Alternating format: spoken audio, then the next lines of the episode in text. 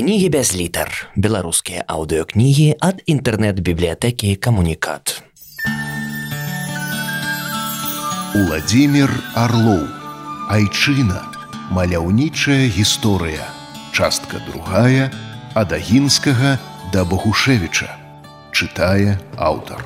Аповед 23 сузор'е слынных мастакоў Таленты нараджаюцца і ў самыя неспрыяльныя для народа часы. 19 стагоддзя дало нашаму краю цэлае сузор'е мастакоў, што здабылі славу народнай зямлі і ў свеце. Гэтыя творцы глыбока перажывалі паняволенае становішча айчыны, ператвораны ў расейскую калонію. Шмат хто з мастакоў браў удзел у таемных патрыятычных таварыствах. Калі разгараліся вызвольныя паўстанні, мастакі мянялі пэнзлі і алоўкі на стрэльбы і шаблі, за што улады разлічваліся з імі турэмным зняволеннем і высылкамі у Сібір. Многія майстры змушаныя былі ад'язджаць на доўгія гады ў замежжа, аднак і там натхняліся ўспамінамі пра далёкую радзіму. Творчая спадчына гэтых мастакоў сёння ў музеях і галереях розных краін, але найперш дарагая на нам, бо сваёй працаю творца сцвярджалі беларусы адметны народ з уласнай гісторыі мовай ды традыцыямі. У віленскім універсітэце пакуль яго не зачынілі ўлады дзейнічаў факультэт літаратуры і прыгозах мастацтваў.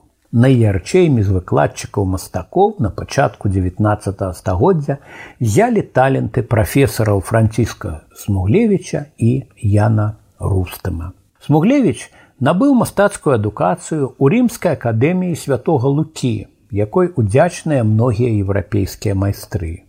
У вільні ён заснаваў катедру жывапісу і малюнка.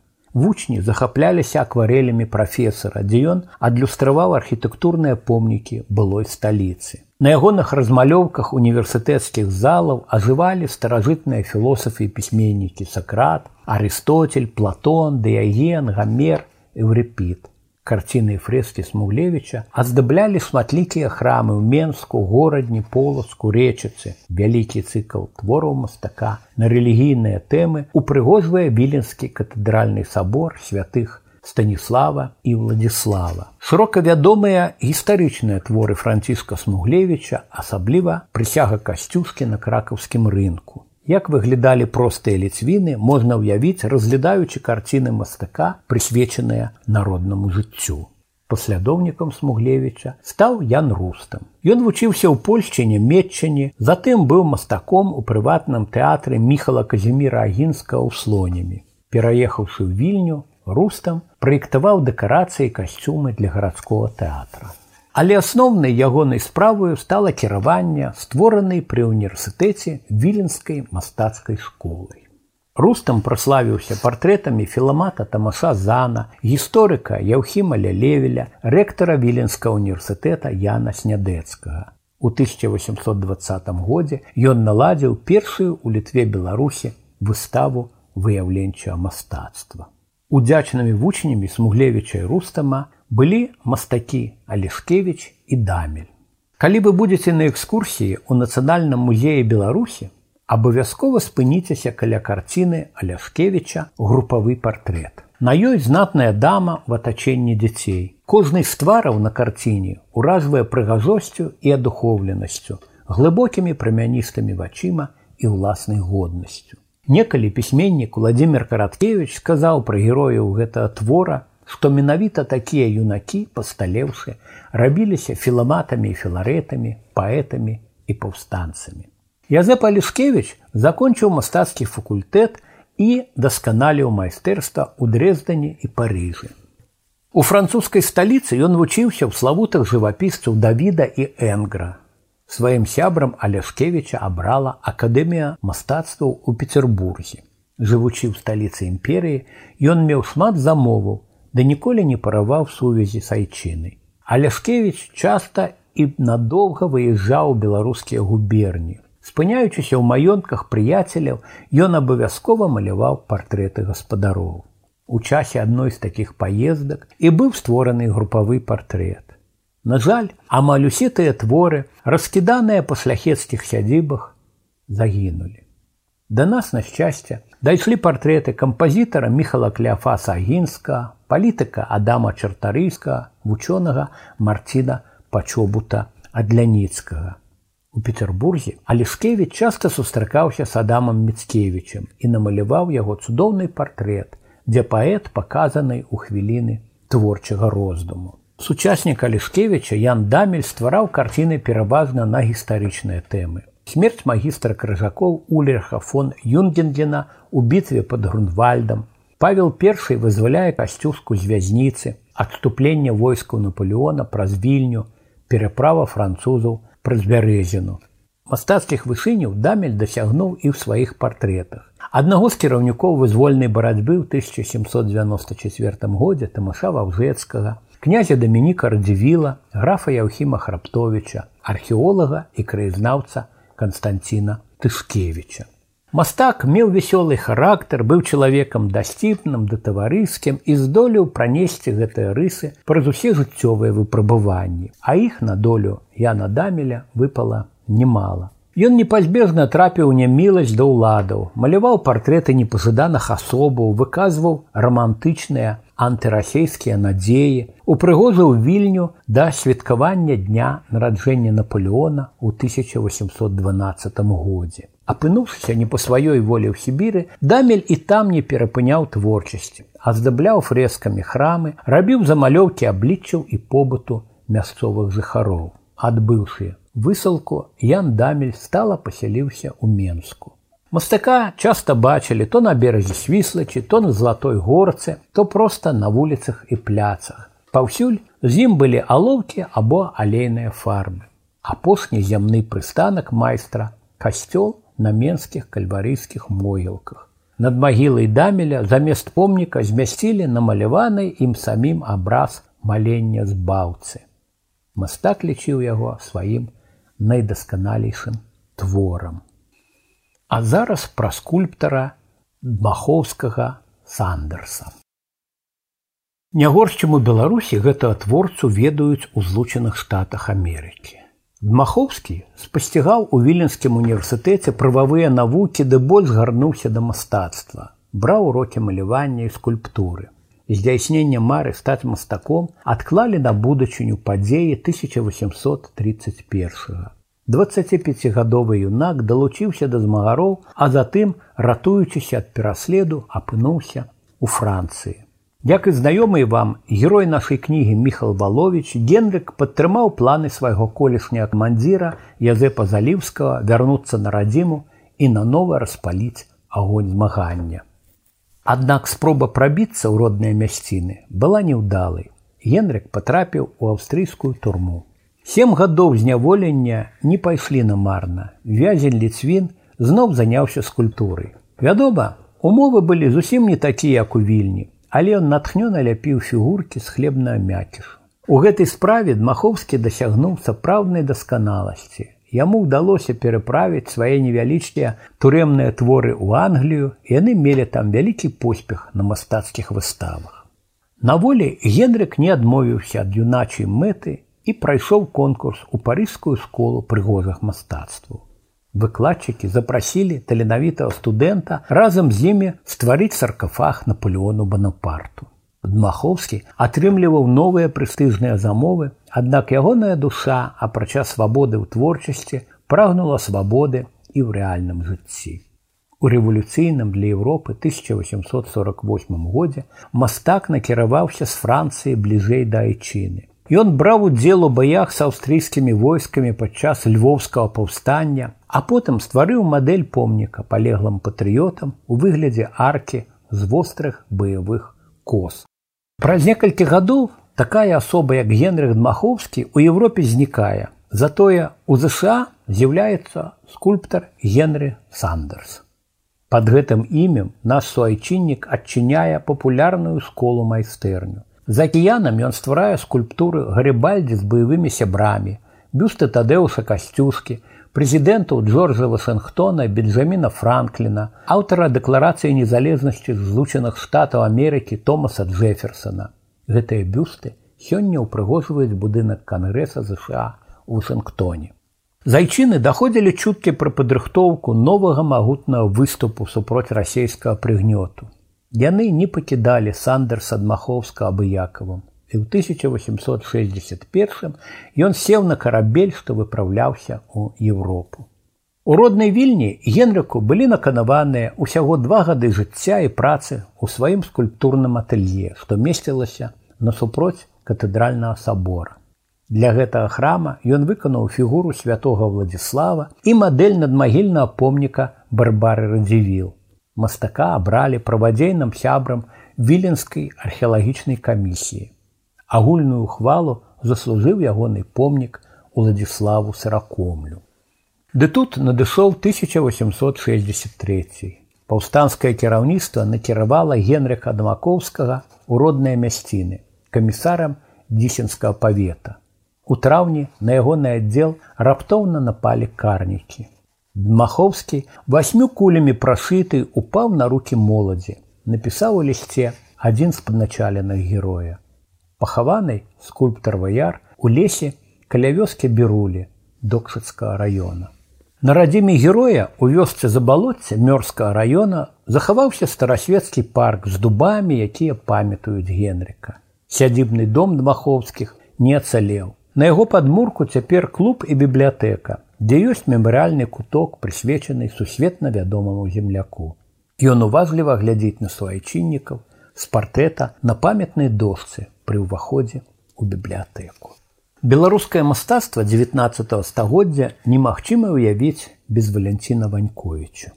Ягонае дзяцінства прайшло ў бацькавым маёнтку малая сляпянка пад менскам. Маляваць хлопчык пачаў надзвычай рана, яшчэ не ўмеючы чытаць і пісаць. На малюнках, што з'яўляліся ў альбомах, нататніках, а частам проста на вокладках кніг, былі дрэвы і будынкі, звяры і птушкі, фантастычныя стварэнні, падказаныя дзіцячым уяўленнем. У 11 гадоў бацькі завезлі валенціна ў полацкі езуіцкі калегіум, што неўзабаве стаў акадэміяй. Полацак у гэты час лічыўся другім пасля вільні мастацкім цэнтрам Беларусі. Малявальныя класы калегіума былі па-еўрапейску абсталяваныя ўсімі неабходнымі мадэлямі, атласамі, падручнікамі. Карцінная галерэя акадэміі з творамі еўрапейскіх майстроў так уразіла юнага шкаляра, што ён напісаў у лісце дадому: абавязкова буду мастаком. Таямніцы абранай справы юнак спасцігаў у віленскім універсітэце. Ян Рустам дазволіў Валенціну як самаму здольнаму вучню маляваць у сваёй прафесарскай майстэрні.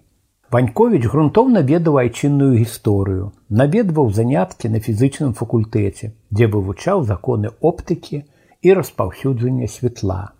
Настаўнікі адзначалі, што ён бліскуча авалодаў тэхнікай светлаценю і надае малюнкам такую рэльефнасць, што іх хочацца пакратаць рукой.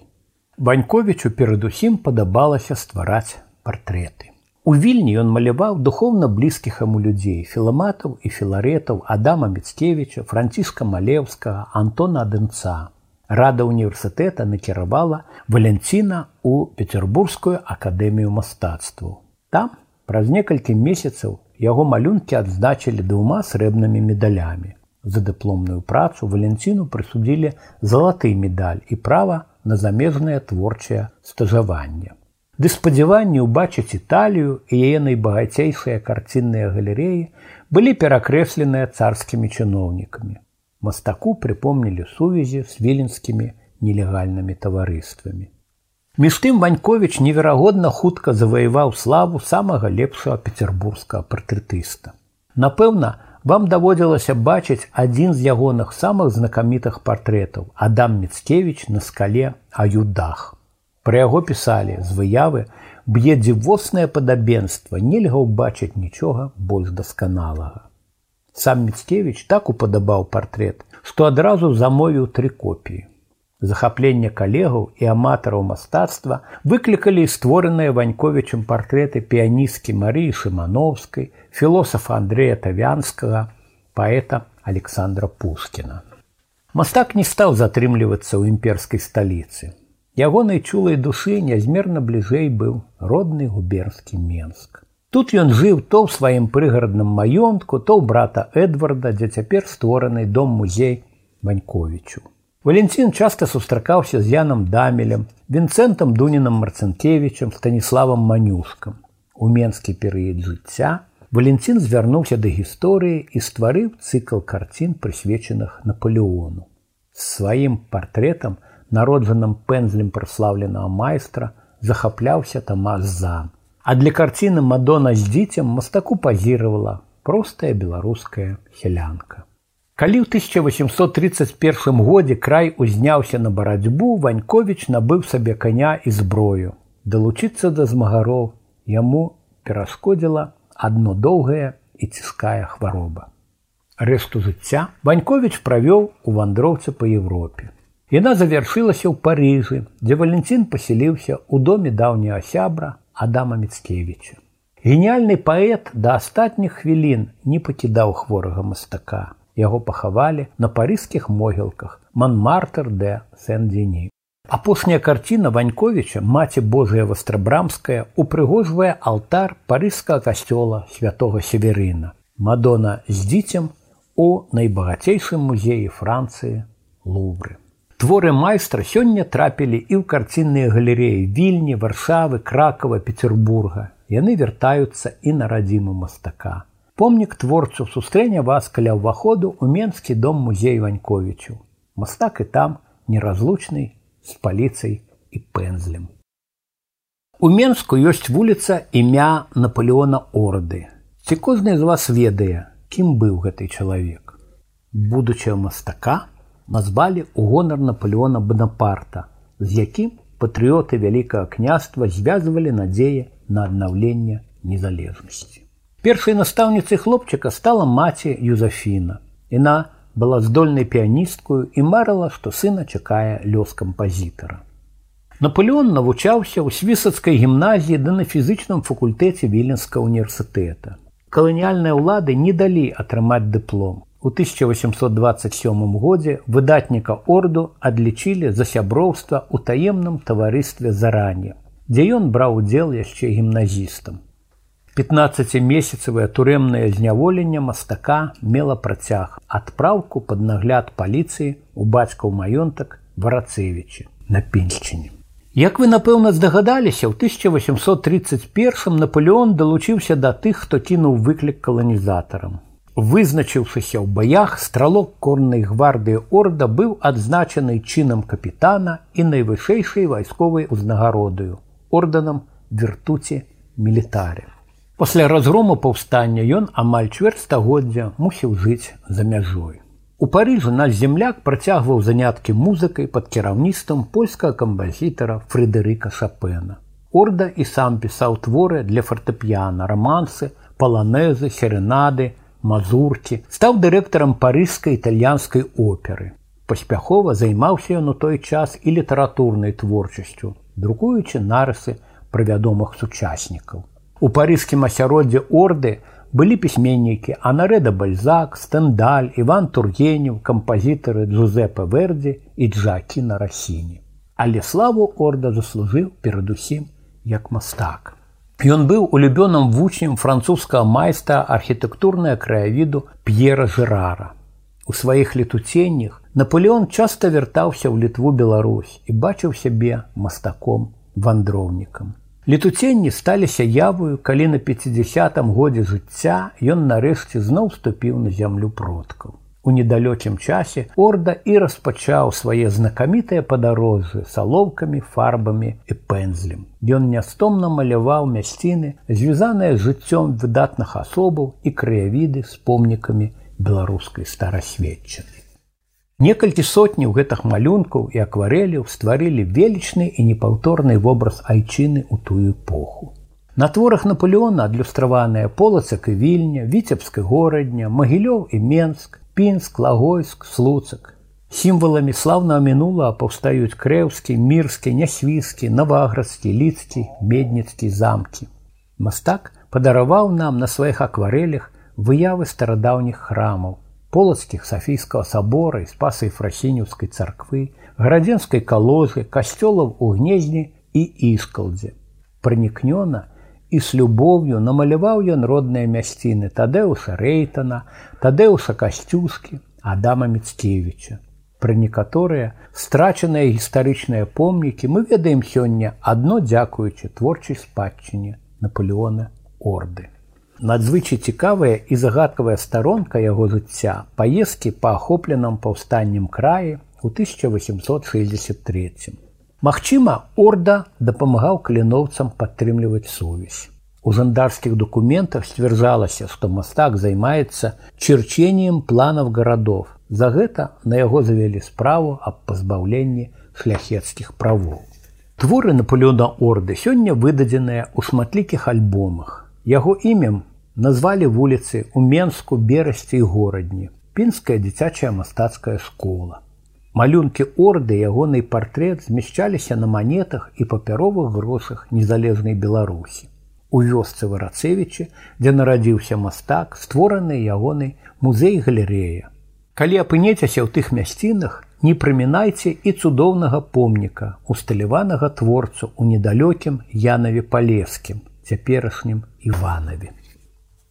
Імя Міхала Андрыёлі вы павінны былі запомніць, калі слухали апавядання пра гераічныя падзеі 1863-1864 гадоў.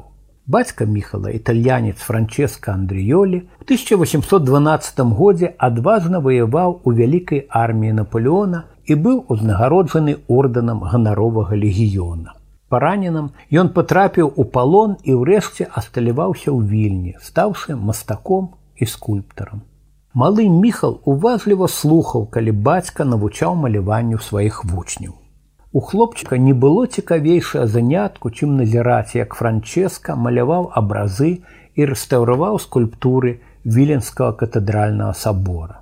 Хоць андрыёлі старэйшы у будучым бачыў сына доктарам той вырашыў іначай і ўпэўнена трапіў у лік студэнтаў маскоўскай вучэльні жывапісу, скульптуры і дойлідства. Працягваў мастацкую адукацыю ён у рымскай акадэміі святого Петра, дзе некалі вучыўся францісак Смуглевич. Паўднёвае сонца, насычаныя барвы прыроды, помнікі былых стагоддзяў моцна ўразілі юнака. Аднак ён разумеў, што Італія не заменіць яму літвы Беларусі. У сваіх нататках ён прызнаваўся: Аглядаючы з гары святого Петра Рым, я неспадзявана засумаваў павільні так моцна, што паўсталі ўваччу родныя гаі, пагоркі і песчаныя сцежкі. Лісты ад сяброў паведамлялі, што ў родным краі неспакойна, сялянскія бунты, хваляванні ў гарадах. У вільні моладзь выходзіла на маніфестацыі з заклікам прагонем маскалёў. Міхал Андрыёлі вырашае вярнуцца на радзіму і ранняй вясною 1863 года прысягае на вернасць паўстанню. Ён змагаўся за свабоду ў аддзеле аднаго з кіраўнікоў вызвольнага руху Людвік Нарбута. Падзяляў погляды каліновска яго паплечнікаў, якія мелі на мэце незалежную будучыню народаў былой рэчы паспалітай. Пазней уцёк з царскай турмы жыў у Лондоне і Парыжы. Уражанні гераічна 1863 сталіся асноваю твораў Андрыёлі, што прынеслі яму першае прызнанне. Найлепшая графічная праца гэтага цыклу смерць Людвіка Нарбута калядубічу. Невялікі аддзел вядзе няроўны смяротны бой са шматкроць большымі сіламі ворагаў. Поплеч б'юцца шляхцячы і сяляне ва ўчынных казусках цяжка параненага камандзіра, падначаленыя на руках выносяць у лес. Нарбута пакідаюць апошнія сілы. Іх стае толькі на тое, каб рука не выпусціла пісталлет. Душа мастака бунтавала супроць спакойнага жыцця ў замежжы. Ён кінуў выклік лёсу і перайшоў расейскую мяжу, але апынуўся ў руках жандараў. Андрыёлі на 5 гадоў выслалі ў паўночны горад вятку, няўрымсавай натуры міхала гэтыя гады здаліся цэлай вечнасцю. Ратавала творчасць і заняткі са здольнымі мясцовымі юнакамі віктарам і апалінарыем васняцовымі яны стануць мастакамі і будуць судзячнасцю згадваць першага настаўніка. Жыць у беларускіх губернях пасля выхалкі міхалу андрыёлі было забаронена і ён пасяліўся ў варшаве У той час мастак стварыў ілюстрацыі да паэму Адама Мецкевіча Конрад Валенрод і пан Тадэус. Да кніг Уладзіслава Саракомлі, Язэпа Крашеўска, Элізы Ажэшкі. з-пад ягонага пэнзля лоўка выходзяць партрэты Адама Мецкевіча, Тадэўша Касцюскі, Яна Снядэцкага, Франціска Богушевіча, з якім Міхал у 1863 ваяваў у адным аддзеле. Вабіла мастака і даўняя гісторыя, адлюстраваная на карцінах смерць князя Кейстута, бітва ліцвінаў з крыжакамі, гусляр, хрышчэнне ліцвінаў, будаўніцтва віленскіх замкаў. Да мастака прыйшла еўрапейская слава і яго запрасілі ў парыж ілюстраваць кнігі Віктора Дюго, Уильяма Шекспіра, Александра Дюма, Ганса Хрысціана Андерсона. Усеагульнае захапленне выдаўцовы чытачоў выклікалі 150 малюнкаў да рамана Фенемора Купера апошняй з магіканаў. Цяжка было паверыць, што мастак зрабіў іх усяго за чатыры месяцы. Замову у Андрыёле было столькі, што ён адмовіўся, напрыклад, ад ілюстравання трох мускіцёраў. Парыскія газеты часта параўноўвалі нашага суайчынніка са слынным французскім мастаком графікам густавам дарэ. Міхал мог бы застацца ў Паыжы, але яго неадольна цягнула бліжэй да родных лясоў і рэк. Героямі Андрыёлі найчасцей былі асобы, надзеленыя шляхетным рыцарскім духам па-рыцарску прайшоў жыццёвы шлях і ён сам італьянец якога Беларусь зрабіла сваім мастаком згадаем яшчэ аднаго таленавітага беларускага мастака таго часу казіміра альхімовича Ён вучыўся ў віленскай гімназіі дзе вялікую ўвагу надавалі мастацкай адукацыі у 22 гады альхімович стаў паўстанцам каліноўцам і маляваць мог толькі на кароткіх прывалах і ў перапынках паміж баямі. Потым былі шэсць гадоў сібірскай высылкі і забарона жыць на радзіме. Між тым Казімір упарта ішоў да мэты стаць мастаком. Поспех Альхімовічу падаравала першая варшаўская выстава, дзе ён паказаў навеяныя цяжкімі сібірскімі ўспамінамі карціны смерцю вагнанні і хаўтуры на ўрале. Затым Альхімович поступіў у мюнхенскую акадэмію мастацтву. Там творы беларускага жывапісца адзначылі некалькімі залатымі і срэбнымі медалямі. Чатыры гады Казімір працаваў і меў адданых прыхільнікаў у тагачаснай мастацкай сталіцы свету Парыжы. Галоўнай тэмаю Казіміра Альхімовича стала мінулая літвы Беларусі, якую ён ведаў не горш за гісторыкаў. Гэта засведчылі карціны вешчуны, смерть князя міхала глінска ў вязніцы пасля бітвы самае значнае гістарычнае палатно майстра пахавання гедзіміна на ім ваяры нясуць забітага крыжыкамі вялікага князя. Услед у доўгім белым адзенні ідуць простыя людзі для іх гэта таксама велізарная страта. Здаецца смуткуюць нават векавечныя дубы і нізкія хмары. Карціна захапляла наведнікаў на шматлікіх еўрапейскіх і амерыканскіх выставах, здабыла высокія ўзнагароды ў варшаве, вене, Львове, сан-францыска. Цяпер пахаванне Едзіміна у нацыянальным музеі ў кракаве. Альхімович ствараў дзеля будучыні айчыны. Варшаўскія калегі мастака ўспаміналі, што ён усёй душой любіў сваю краіну таямнічых бароў, людзей у палатняным адзенні і гаварыў, народнай яму мове.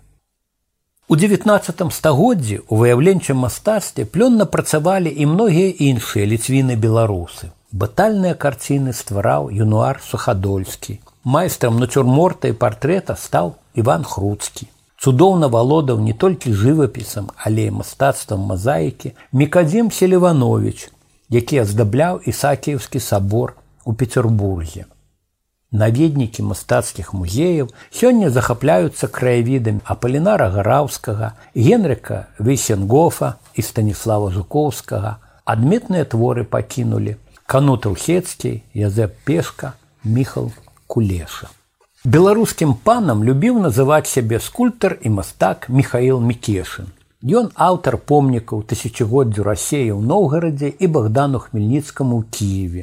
Мікешану належыць і вялікі цыкл малюнкаў жыцця землякоў беларусаў рослаўскага павета смаленскай губерні.